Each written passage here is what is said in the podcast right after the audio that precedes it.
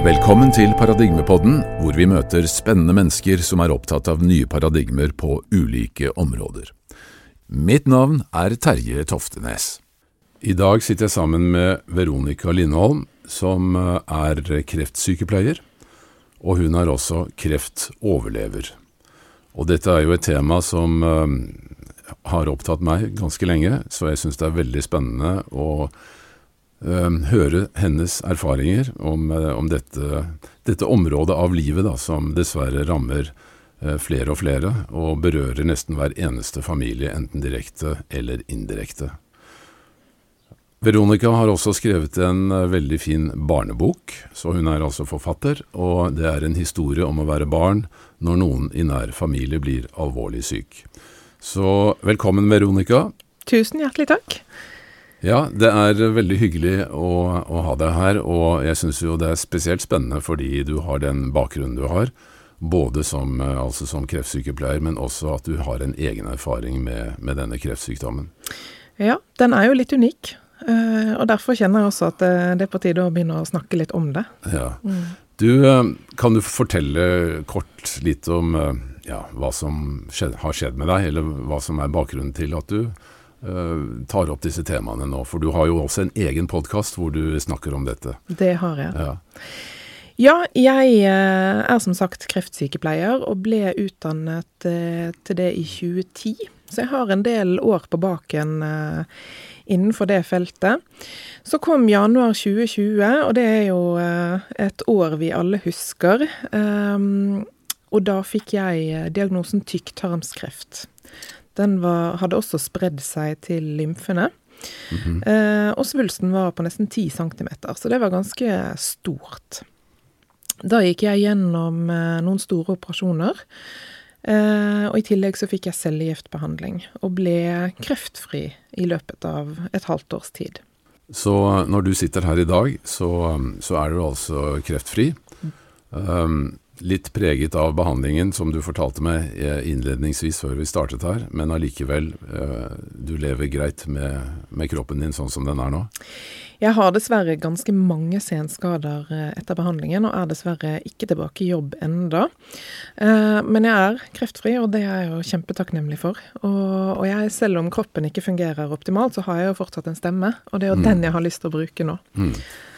Nei, fordi um, det er jo, altså dette med kreft er jo et, selvfølgelig et svært tema.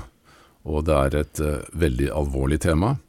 Og det er jo veldig mange som uh, sverger selvfølgelig til uh, den skolemedisinske veien å gå, fordi ja, man tenker jo alltid at når jeg kommer til sykehuset, så er jeg i de beste hender. Mm. Det er der ekspertisen er, og det er der all kunnskapen ligger. Men så er det jo da nye retninger som er støttet av ganske omfattende forskning etter hvert, som sier at det er andre ting man også kan gjøre for å si, hjelpe kroppen i den situasjonen. Og vi har jo snakket om det tidligere her i Paradigmepodden, bl.a.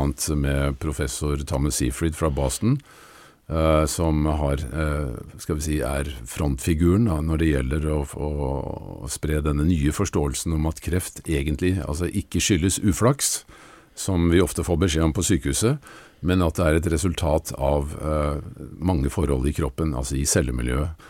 Um, du som kreftsykepleier som har opplevd dette på nært hold gjennom mange, mange år. Uh, hva er dine tanker om, om disse nye vi si, forståelsesmodellene da, rundt kreft?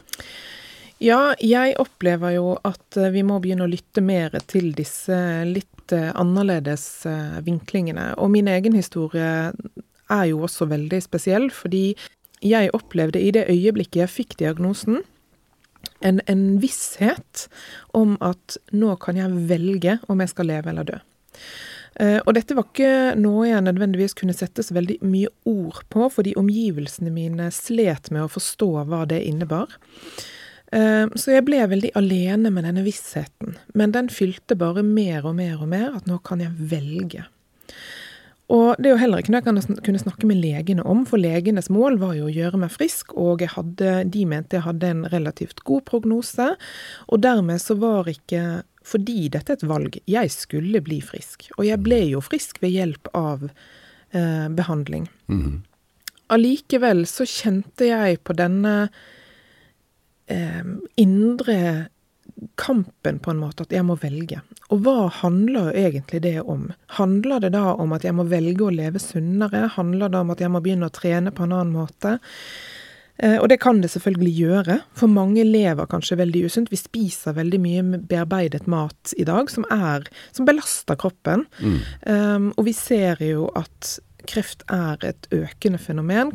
Og kanskje det er fordi at vi belaster kroppen mer og mer og mer på ulike måter i samfunnet. For min egen del så har jeg ikke noen tro på at det var det som var årsaken. Jeg tror at årsaken til at jeg fikk kreft, det var belastning av traumer over mange år. Eh, og jeg hadde rundt 15 år med vedvarende gjentagende traumer i mitt liv som var ganske voldsomme. Og det kulminerte i et tap av et menneske som, eh, som var veldig brutalt og veldig ja, fryktelig. Og to år etter dette tapet så fikk jeg kreft. Eh, så jeg er overbevist om at min kreft kom av Ja, hva skal jeg kalle det? Ikke tanker nødvendigvis, men i hvert fall traumer. Mm. Um, Altså det er jo ehm, eh, tilbake til, altså Jeg nevnte jo eh, professor Seafried, mm, og han sier jo det at um, det er flere forhold som uh, fører til uh, de, disse tilstandene da i cellemiljøet som gjør at celler begynner å konvertere til kreftceller. Og dette med traumer eh, mener jo han er en, også en vesentlig del, fordi eh, altså Vi har jo Jeg er jo ikke noen medisiner, så jeg kan ikke forklare det sånn rent medisinsk, men eh, vi har jo disse stresshormonene som eh, genereres i kroppen når, på grunn av måten vi tenker på og, og hva vi føler, og, og altså hele det emosjonelle spekteret. ikke sant?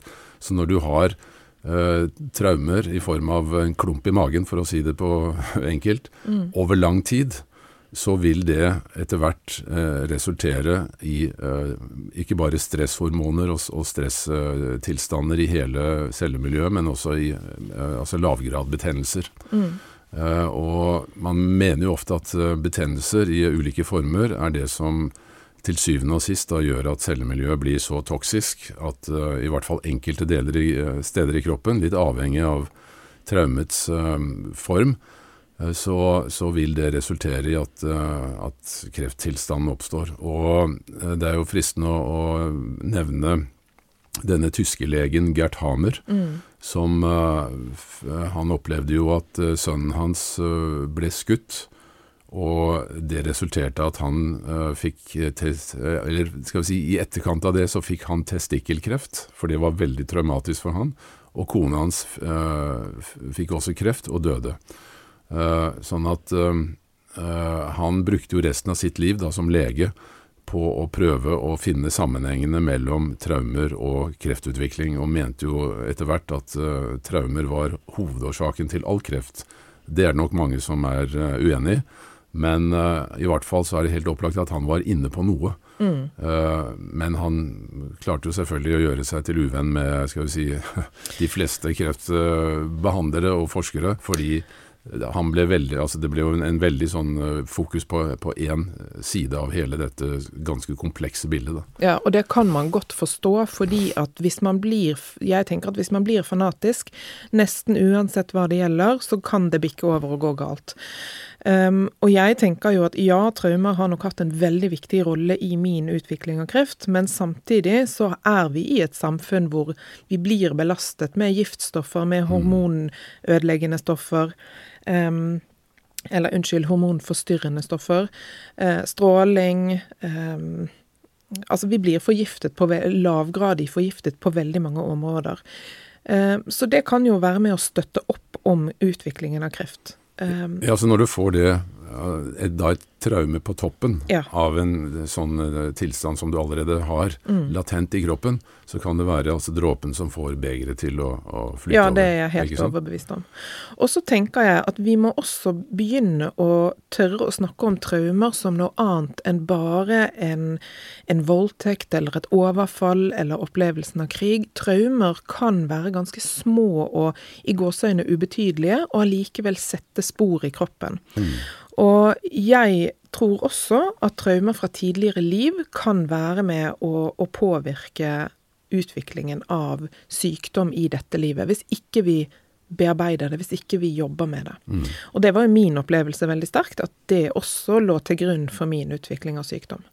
Altså Nå er vi jo inne på et eh, tema som jeg syns er veldig spennende. Eh, nettopp at vi ser eh, skal vi si, bevissthet. Altså at bevisstheten overlever den fysiske døden, som veldig mange hevder å ha opplevd, altså, opplevd i, i, i nær døden-opplevelser, f.eks.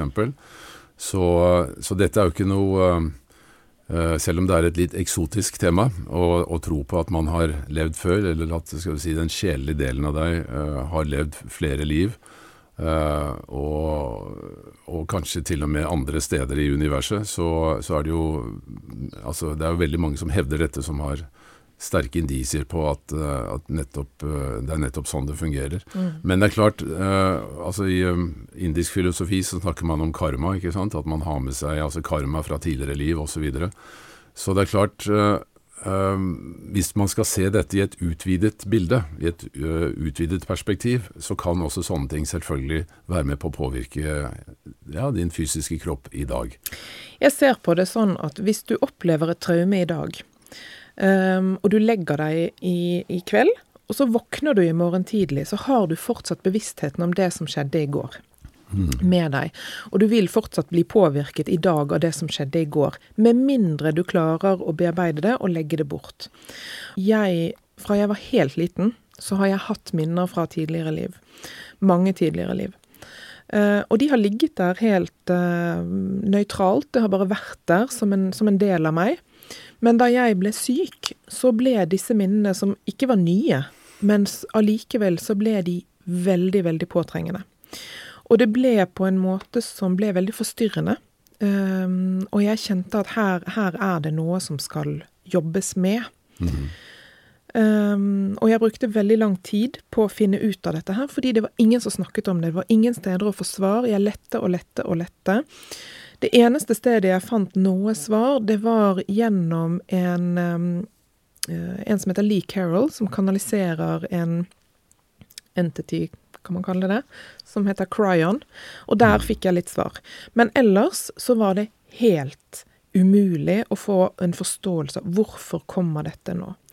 Og jeg spurte Vår Herre, og jeg spurte mennesker og, og, og lette uten, uten Og kavet. Det var veldig vanskelig å være i dette her. Men da jeg begynte å ta tak i disse minnene, disse tidligere livene, så slapp det.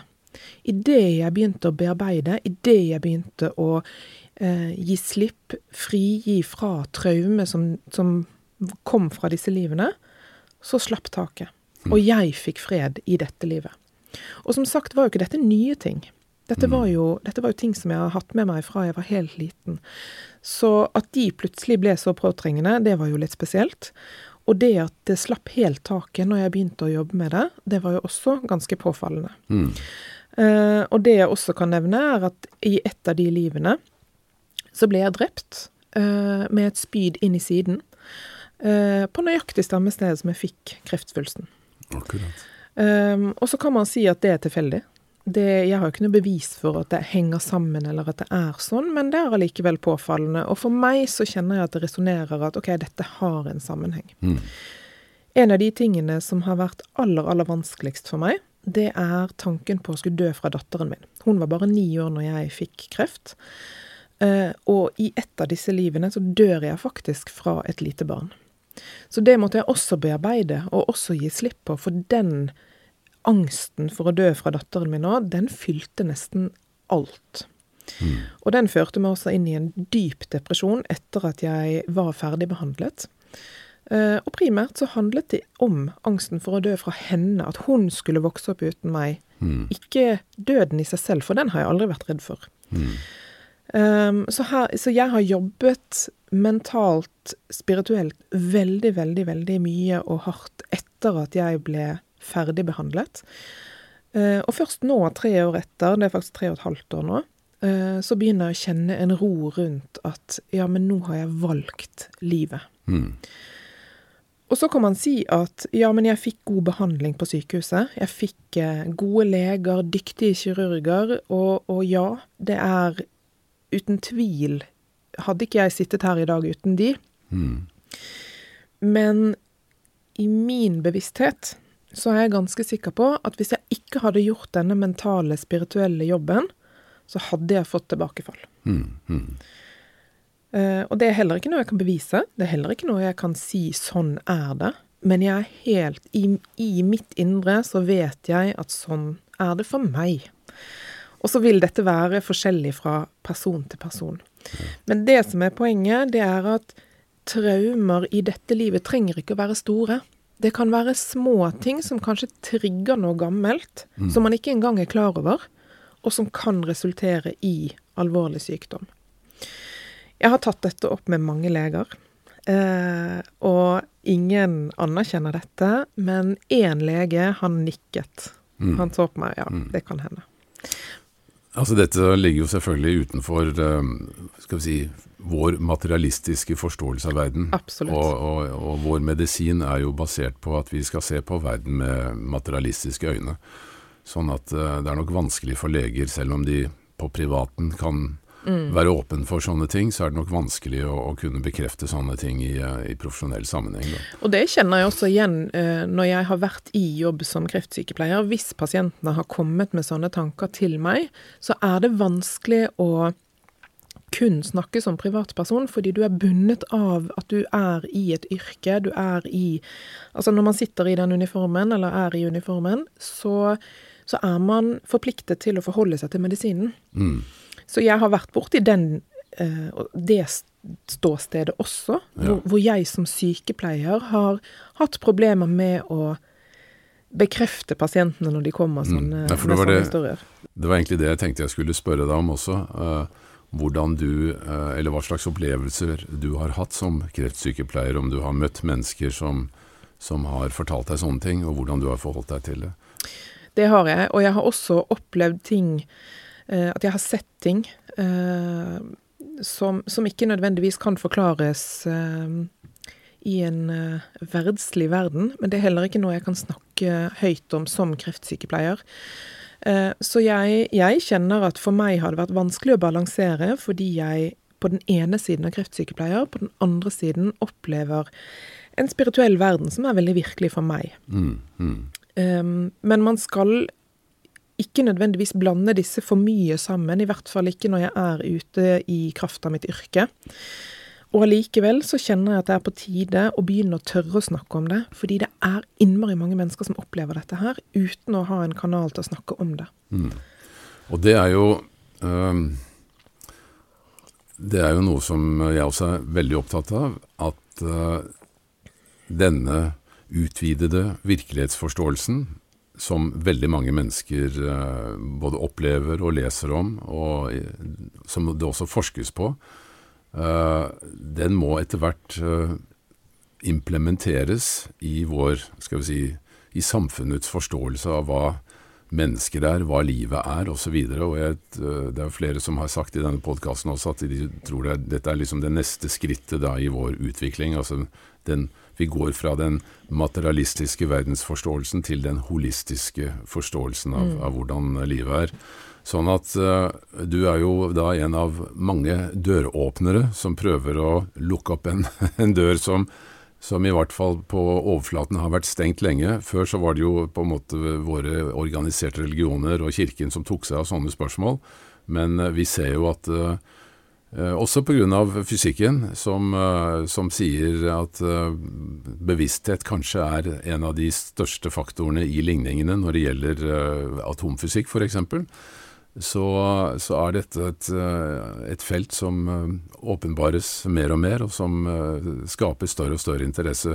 Og det gjelder selvfølgelig da også når vi skal se på kroppen vår som både en skal vi si, en eh, fysisk, eh, biolog, biokjemisk organisme, men også en eh, organisme som inneholder bevissthet på så utrolig mange nivåer. Altså Hver eneste celle har en bevissthet. ikke sant? Mm. Hver eneste mitokondrie, altså hver eneste lille kraftprodusent i cellen, har en egen bevissthet. DNA er omgitt av bevissthet osv. osv. Så, videre, og så, så alt dette er jo et utrolig komplekst system hvor det er øh, bevissthet på mange nivåer, mm. og det påvirker selvfølgelig av hva du som menneske øh, opplever. Mm. Og da er alt fra det du spiser og drikker og blir utsatt for av miljøgifter, til hva du opplever, både, altså tanker og stress og, og emosjoner, følelser osv. Det er en del av det, den store cocktailen da, som påvirker hele organismen.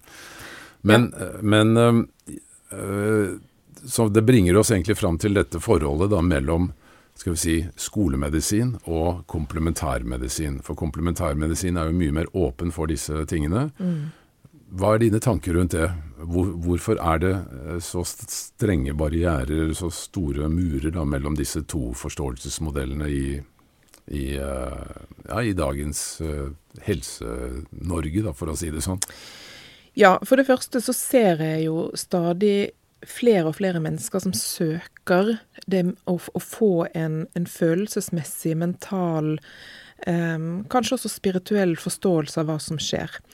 Men jeg opplever at medisinen har vært veldig fokusert kun på kropp. Eh, kropp er bare natur, og det er det vi forholder oss til. Og det følelsesmessige, det har blitt skubbet til siden.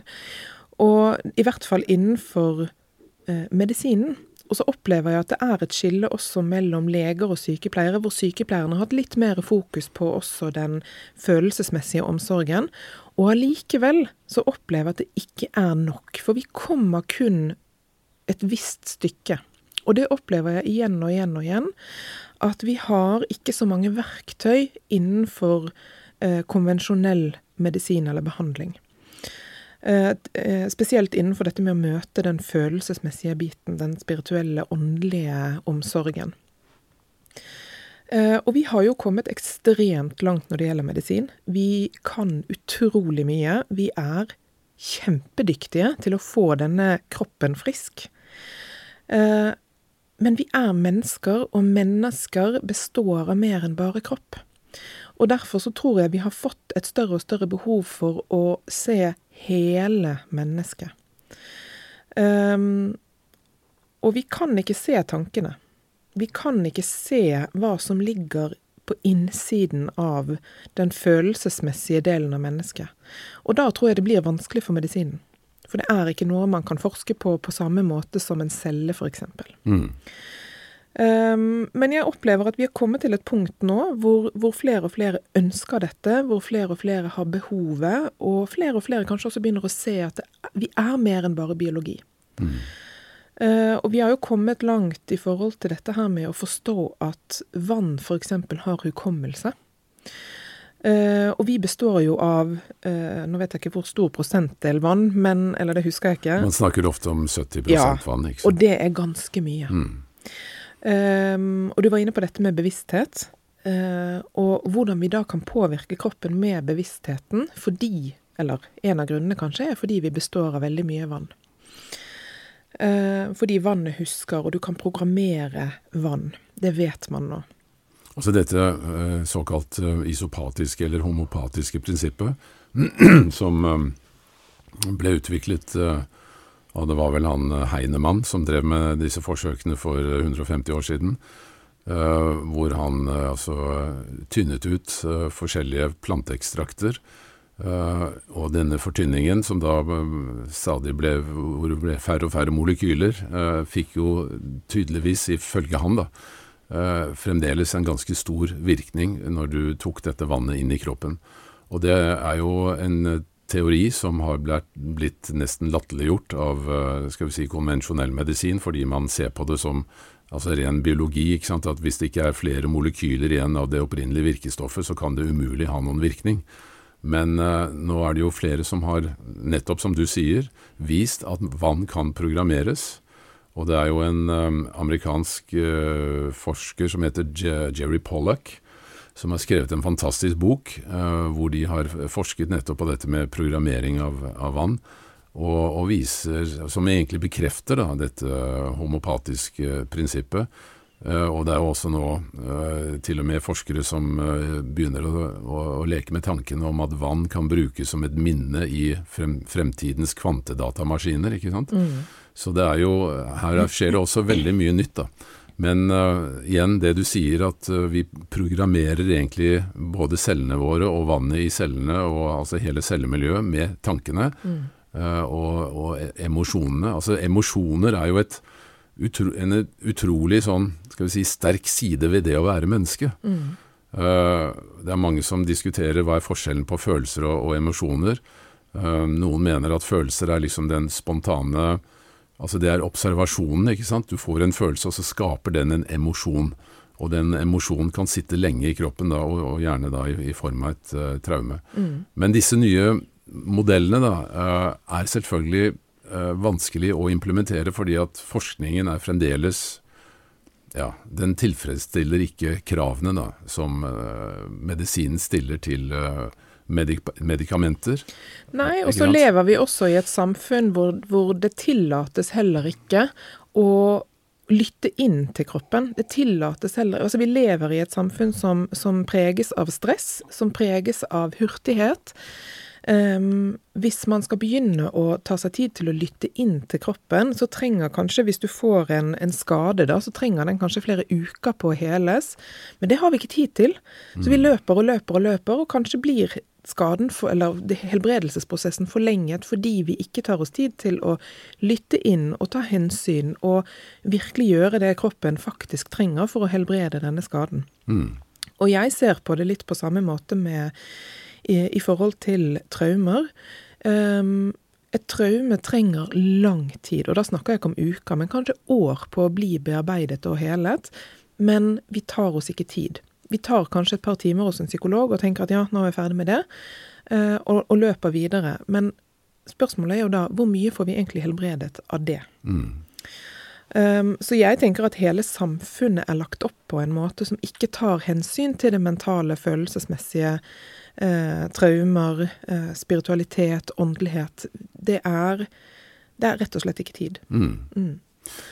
Uh, hvis vi går uh, Uh, hvis vi ser litt på f.eks.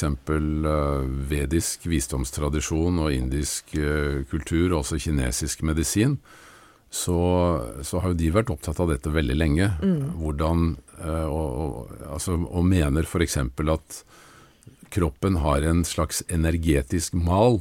Da må jeg bare tilføye at han ene legen som nikket da jeg snakket om, om at traumer var årsaken til min kreft, han var inder. Han var inder, ja. Nei, så um, Jeg må bare nevne at vi laget en film for ti år siden som het 'Levende helse'. Mm. Hvor vi nettopp så på eh, kropp i et energetisk perspektiv. Og da var det flere bøker ute på den tiden som eh, bl.a. påsto at kroppen altså har en slags energetisk mal. altså Det ligger et informasjonsfelt rundt kroppen som kommuniserer med cellene. Og når uh, du får ubalanser uh, i dette informasjonsfeltet, som igjen da kan forårsakes av både fysiske og psykiske ting, så vil det reflekteres i kroppen. Mm. Sånn at når du får healet, eller altså når du får opp, skal vi si, eh, tilbakejustert av disse ubalansene, disse energetiske ubalansene, så vil også det reflekteres i cellemiljøet. Mm. Og dette er jo altså vi, I indisk uh, filosofi så snakker man jo om, om energisjakraer, ikke sant. og og, og, man er veldig bevisst der på at uh, det er et, et, spill mellom energier. Mm. Og uten at jeg skal lage noe langt foredrag om det, så er det jo med Altså hvis du bryter alt ned til helt ned på atomnivå, så er jo energi og informasjon det som egentlig bygger all form for materie. Det mm. viser faktisk den nye kvantefysikken oss. Mm. At, at, eh, det er, handler aller mest om energi, og den informasjonen som strukturerer energien.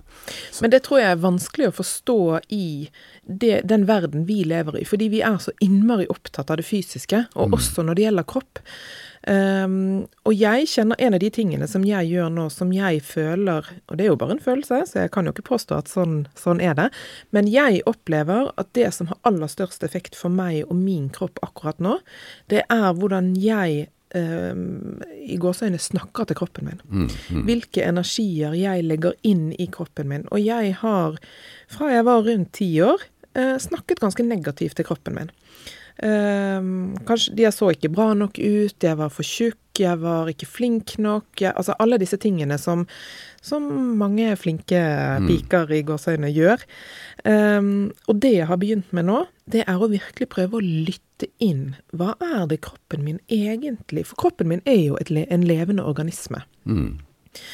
Uh, og levende organismer har intelligens. Det vil si at jeg kan også få svar fra kroppen min. Mm. Um, dels kan jeg sende eh, informasjon til hver enkelt celle, men cellene kan også sende informasjon til meg.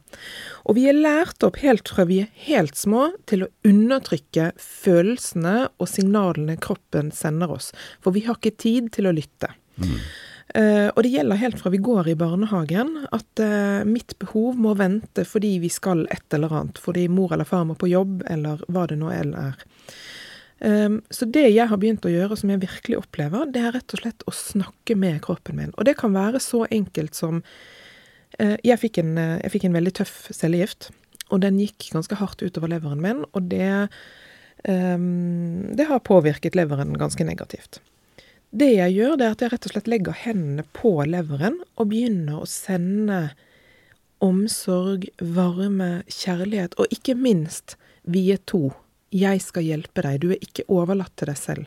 For det også tror jeg er en viktig del. Vi overlater veldig ofte kroppen til seg selv, og så kikker vi nedover kroppen eh, innimellom og ser at ja, ja, den funker fortsatt, da løper vi videre til neste møte. Men det å gi kroppen beskjed om at 'jeg hjelper deg', jeg støtter deg med tankekraft, med kjærlighet, det tror jeg er veldig helbredende og veldig sunt. Og personlig så merker jeg jo at leveren min har det jo veldig, veldig mye bedre etter at jeg begynte å gjøre dette her. Så det å kommunisere med kroppen, mm. det tror jeg for veldig mange veldig nytt og kanskje veldig merkelig og kontroversielt, men jeg tror allikevel at dette er noe vi må begynne å gjøre. Ja, så vi uh, har jo denne kjente placeboeffekten som, eh, som på en måte er eh, en fantastisk eh, egenskap. At tanken kan helbrede, og det er jo bevist da gjennom altså det, Placeboeffekten blir jo ofte sett på som et litt sånn forstyrrende element i medisinsk forskning, mm. fordi det gjør at man får ikke helt objektive resultater når man tester ut medikamenter på mennesker. Selv om man gjør altså dobbeltblinde, randomiserte forsøk, så, så har du veldig mye er det veldig avhengig av innstillingen mm. til vedkommende som er med i forsøket. ikke sant? Men i hvert fall så viser det seg uh, Jeg hørte nettopp en, podcast, en annen podkast om nettopp placebo. At altså uh, 30% av all tilfriskning skyldes placeboeffekten. Jeg leste faktisk et sted at det vil Nå husker jeg ikke hvor jeg leste det, eller hvor store tallene var, men bare det at le, om legen som skriver ut medisinen, tror på at den vil virke, eller ikke tror på at den vil virke, mm. vil påvirke om medisinen virker eller ikke. Så vi snakker igjen om disse energifeltene, ikke sant. Mm. Uh, og det er helt opplagt at når du mobiliserer din egen kraft, altså Uh, sånn var det for meg når jeg fikk kreft. Altså jeg ble nesten sånn at uh, mm. Dette her skal jeg fikse. Jeg bestemte meg for at dette Jeg skal bevise for legen at han tar feil når han sier at jeg aldri kommer til å bli frisk, for det var det jeg fikk beskjed om. Mm. Så var det akkurat som jeg fikk en sånn ja, jeg, jeg, kjente det på en måte i kroppen, at liksom alle cellene mine skulle være med på den dugnaden. Mm. Uh, og det, For min del så ga jo det resultater, sammen med selvfølgelig ulike behandlinger som jeg også fikk. Da. Men jeg tror uh, den placeboeffekten er veldig uh, undervurdert. Og at det, hvis man kunne altså rette mer forskning på nettopp sånne ting, så ville det være helt fantastisk. Problemet er at ingen kan patentere det. Ingen kan tjene noe penger på det. Mm. Nei, og, der derf- sa du og derfor så er det også veldig lite forskningsmidler til eh, å forske på altså de ikke-fysiske tingene da i medisin.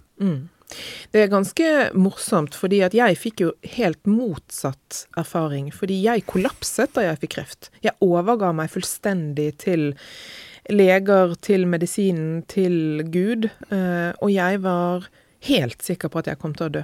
Eh, Så jeg hadde en helt motsatt reaksjon enn deg. Inntil jeg fikk beskjed om at jeg fikk tilbakefall, eller hadde fått tilbakefall. Da mobiliserte jeg den kraften som du beskriver. Og da responderte jeg, eller reagerte jeg også helt annerledes enn første gang da jeg fikk diagnosen.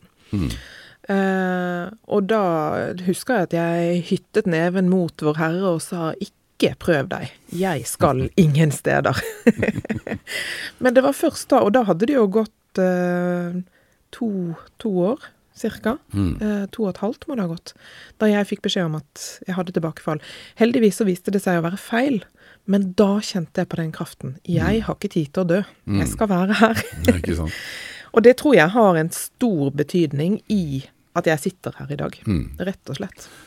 Innenfor idrett så er jo nettopp dette man jobber med, altså man psyker seg opp til å Man ser for sitt, for seg, for sitt indre øye at man skal vinne dette løpet, eller eh, hoppe lengst i hoppbakken, eller altså Det er en veldig vesentlig del av hele forberedelsen til en øvelse at man Men, mobiliserer altså denne indre kraften. men er ikke det påfallende at innenfor idretten så er det helt greit. Ja, Men innenfor helse, da skal vi ikke tenke sånn. ikke sant? Og jeg har lurt litt på, handler det om eller jeg har egentlig ikke lurt på det, for det vet jeg jo egentlig. At vi ikke skal pålegge pasienten noe ansvar i egen eh, helingsprosess. Det er der det, veldig mye av det ligger, tror jeg. Mm. Og det syns jeg er litt synd. Jeg kjenner at hadde det vært meg, så vet jeg For jeg greide ikke å ta tak i kosten, f.eks. Så hadde jeg fått beskjed om, da jeg fikk diagnosen, at hvis ikke du spiser ordentlig nå, så dør du. Eh, jeg vet ikke om jeg hadde greid å ta tak i det, for å være helt ærlig. Men jeg syns allikevel at vi er forpliktet til å snakke om det. Og spesielt når vi har et område som idretten hvor vi virkelig snakker om det. Og vi virkelig ser effekten av det. Og det er jo gjort masse studier eh, i forhold til dette med at når én klarer å slå en rekord, bang, så er det mange andre som også gjør det. Og det handler jo også om at vi ser at det er mulig. Nettopp. Nettopp. Så jeg tror at det er på høy tid at vi begynner å snakke om dette innenfor helse også. Men hva skal til? Hva skal til for at de som bør lytte, vil lytte? Ja, og der, der eh, har vi Jeg tror at bare det å ha en sånn podkast om disse emnene har en stor betydning. Fordi selv om ikke vi når ut til overlegen på en viss avdeling, så når vi kanskje ut til det enkelte mennesket som begynner å tenke, som begynner å stille spørsmål, og som kanskje begynner å ta tak i det selv. Og jeg opplever at de siste årene har jeg møtt den ene etter den andre som har lignende historier som det du har. Um, hvor de faktisk ser at de får veldig, veldig gode effekter av å spise riktig, av å tenke riktig, av å gjøre alle disse tingene som ikke nødvendigvis ligger i eh, protokollen til eh, sykehusets behandling, da, hvis man kan Mm. si det sånn. Ja.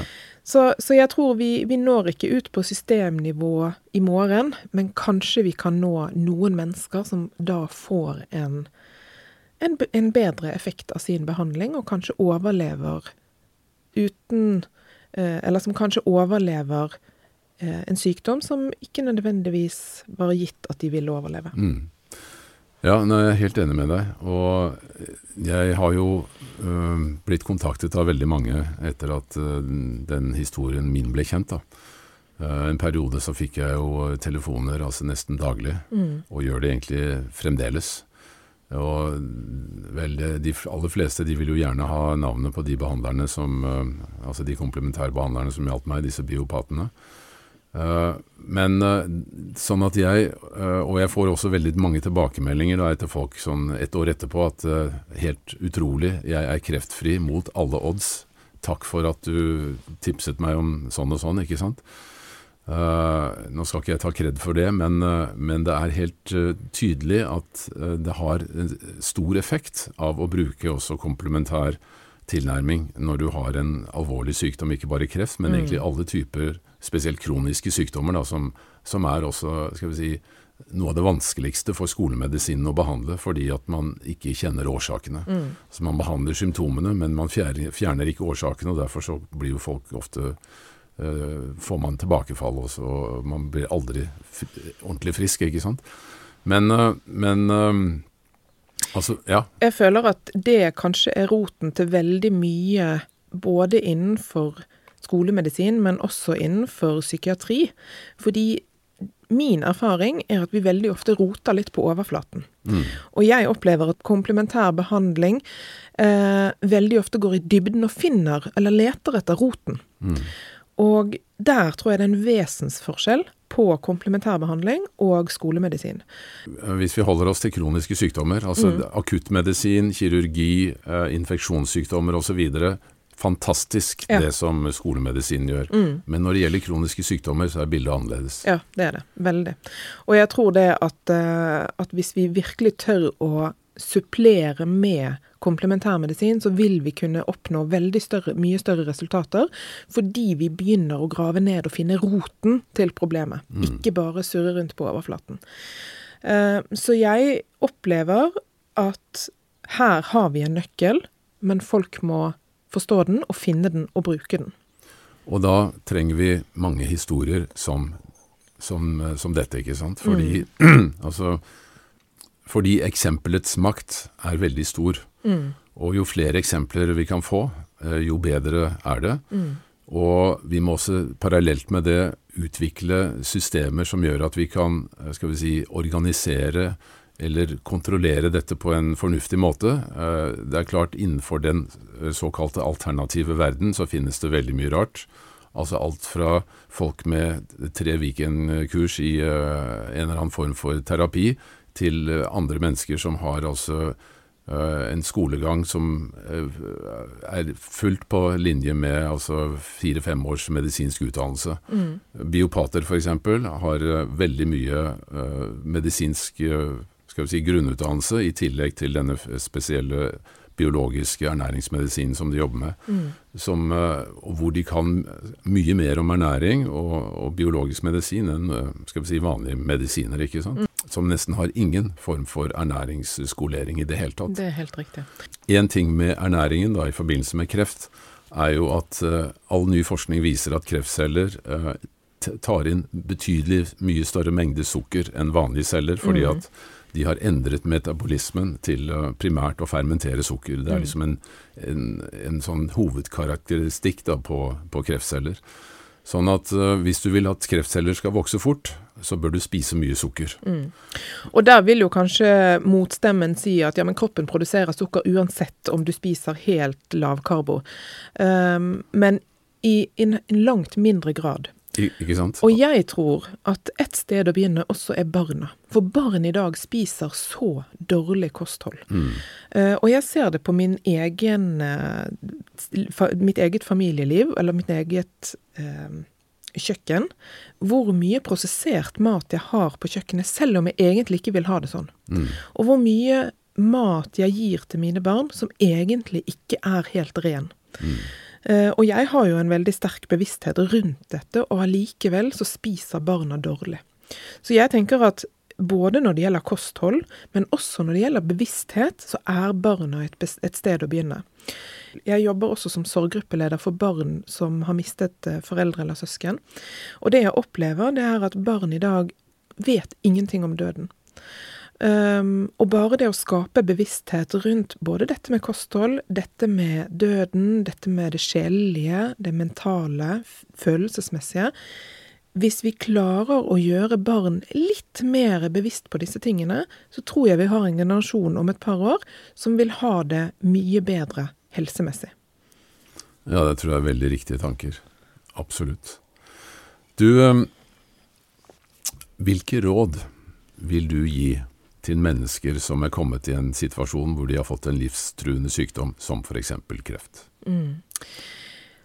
Det første jeg vil si, det er at det er lov å sørge. Det er lov å kjenne på at dette er vondt og vanskelig. For veldig mange går inn i en slags eh, 'dette går fint'. modus. Og, og det er lov å sørge over dette, og det er lov å bruke tid på å komme seg. Men mitt beste råd, det er å begynne å øve seg på å lytte til kroppen. Eh, for hvis du lærer det, og det tar litt tid, men bare det å, å kjenne etter og sette seg godt ned og plutselig begynne å kjenne kroppen sin, det tror jeg er første skritt mot å begynne å lytte til hva som kan være galt i kroppen før det eksploderer. Og jeg tenker litt min kreft Eh, jeg opplevde det som veldig skamfullt at jeg hadde en kreftsvulst på 10 cm, fordi jeg hadde alle tegn i boken på at jeg hadde kreft, og jeg var kreftsykepleier. Og allikevel så neglisjerte jeg og ignorerte de signalene kroppen sendte meg. Det trenger ikke å gå så langt at du får en kreftsvulst på 10 cm. Hvis du lærer deg å lytte til kroppen, så hører du det når kroppen begynner å hviske 'noe er galt'. Og jeg tenker at hadde jeg lært dette for eller gjort dette for mange år siden, så hadde jeg kanskje aldri utviklet den kreften, fordi det kanskje kunne vært stoppet i tide. Så, så mitt beste råd, lær å lytte til de, kroppe, de signalene kroppen sender deg. Mm, mm. Ja, veldig viktig. Veldig, veldig viktig. Uh, og, og jeg har også lyst til å supplere med send også signaler til kroppen i dagens, i hvert fall i Vesten, så har veldig mange et veldig negativt forhold til kropp.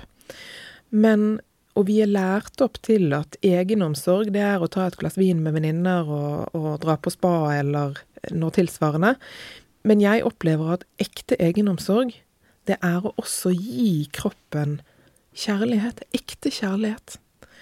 Um, og jeg har begynt å tenke på kroppen Jeg vet ikke om du har holdt et lite spedbarn, ikke sant? Det genererer så mye omsorg og kjærlighet, og man vil bare holde dette, beskytte dette lille barnet. Og hvis du ser, hvis du greier å se på de enkelte organer eller på kroppen din som på samme måte som du gjør når du holder et lite spedbarn, så tror jeg vi kom, er kommet langt. Fordi hvis du klarer å gi kroppen all den omsorgen og kjærligheten, så tror jeg det skal mer til før kroppen blir syk. Og det er bare min personlige erfaring. Men jeg opplever at mange sier det samme. Så gi også kjærlighet til kroppen din. Kroppen din er jo faktisk den eneste du har. Ja. Så hvorfor ikke ta godt vare på den, og hvorfor ikke akseptere den og fortelle den at du er glad i den? Det, det fortjener den. Ja. Men vi har mange livsstilssykdommer i dag. Vi har mange unge mennesker som har et veldig forkvaklet forhold til kropp, og som fyller seg med eh, alle mulige fillers og silikon og jeg vet ikke hva, for å få det perfekte, den perfekte kroppen. Um, og hvis vi fortsetter å behandle kroppen som om den er Som om den ikke er god nok, så får vi et samfunnsproblem til slutt. Mm. Uh, og det blir en sykdom i samfunnet, nærmest, fordi at kroppene våre skal se ut som et eller annet fotomodellaktig, og så er vi ikke fornøyd da engang. Mm.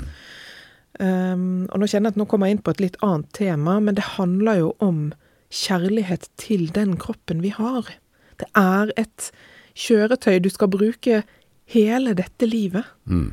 Og om den ser ut på den ene eller den andre måten, er mindre viktig. Det som er viktig, er at den fungerer, og at vi har en kommunikasjon med kroppen.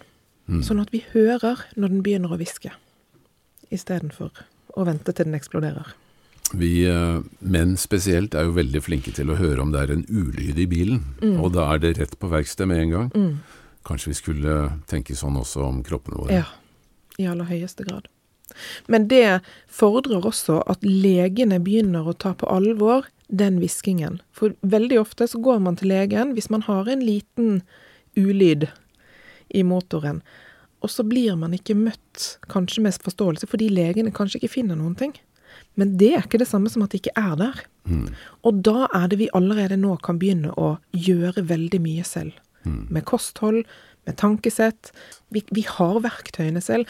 Og vi er kroppen. Vi skal ikke glemme at kroppen er et selvhelbredende organ. Hvis vi bare gir den mulighet. Og det, det sies jo at det finnes ikke noe som Det finnes ingen sykdom eller tilstand kroppen er i som det ikke fins et botemiddel for i naturen. Men da må vi også vite hvor vi skal lete, mm. og vite hvem vi skal spørre. Og jeg har også lyst til å slå et slag for dette med å søke hjelp. Fordi vi, vi trenger hverandre. Og vi lever ofte litt sånn isolerte i dagens samfunn, men vi trenger hverandre. Så søk hjelp, og, og få støtte der hvor du kan finne det. Veldig, veldig mange kloke ord, Veronica. Jeg tror vi bare sier tusen, tusen takk for uh, at du delte alt dette. Og takk. lykke til videre. Tusen takk. Og så gleder jeg meg til å høre på din podkast. Ja. Hva heter den? Den heter Fra kreft til kraft. Fra kreft til kraft. Mm. Ok. Tusen takk. Takk skal du ha. Helt til slutt, vårt Vipps-nummer er som eh, nevnt mange ganger tidligere 524 005. 524 005 hvis du vil være med og støtte denne podkasten. Vi sier hjertelig tusen takk til alle som vil bidra med noe, og satser på at vi kan fortsette å drive en reklamefri podkast. Så da vil jeg bare si hjertelig velkommen til neste episode av Paradigmepodden.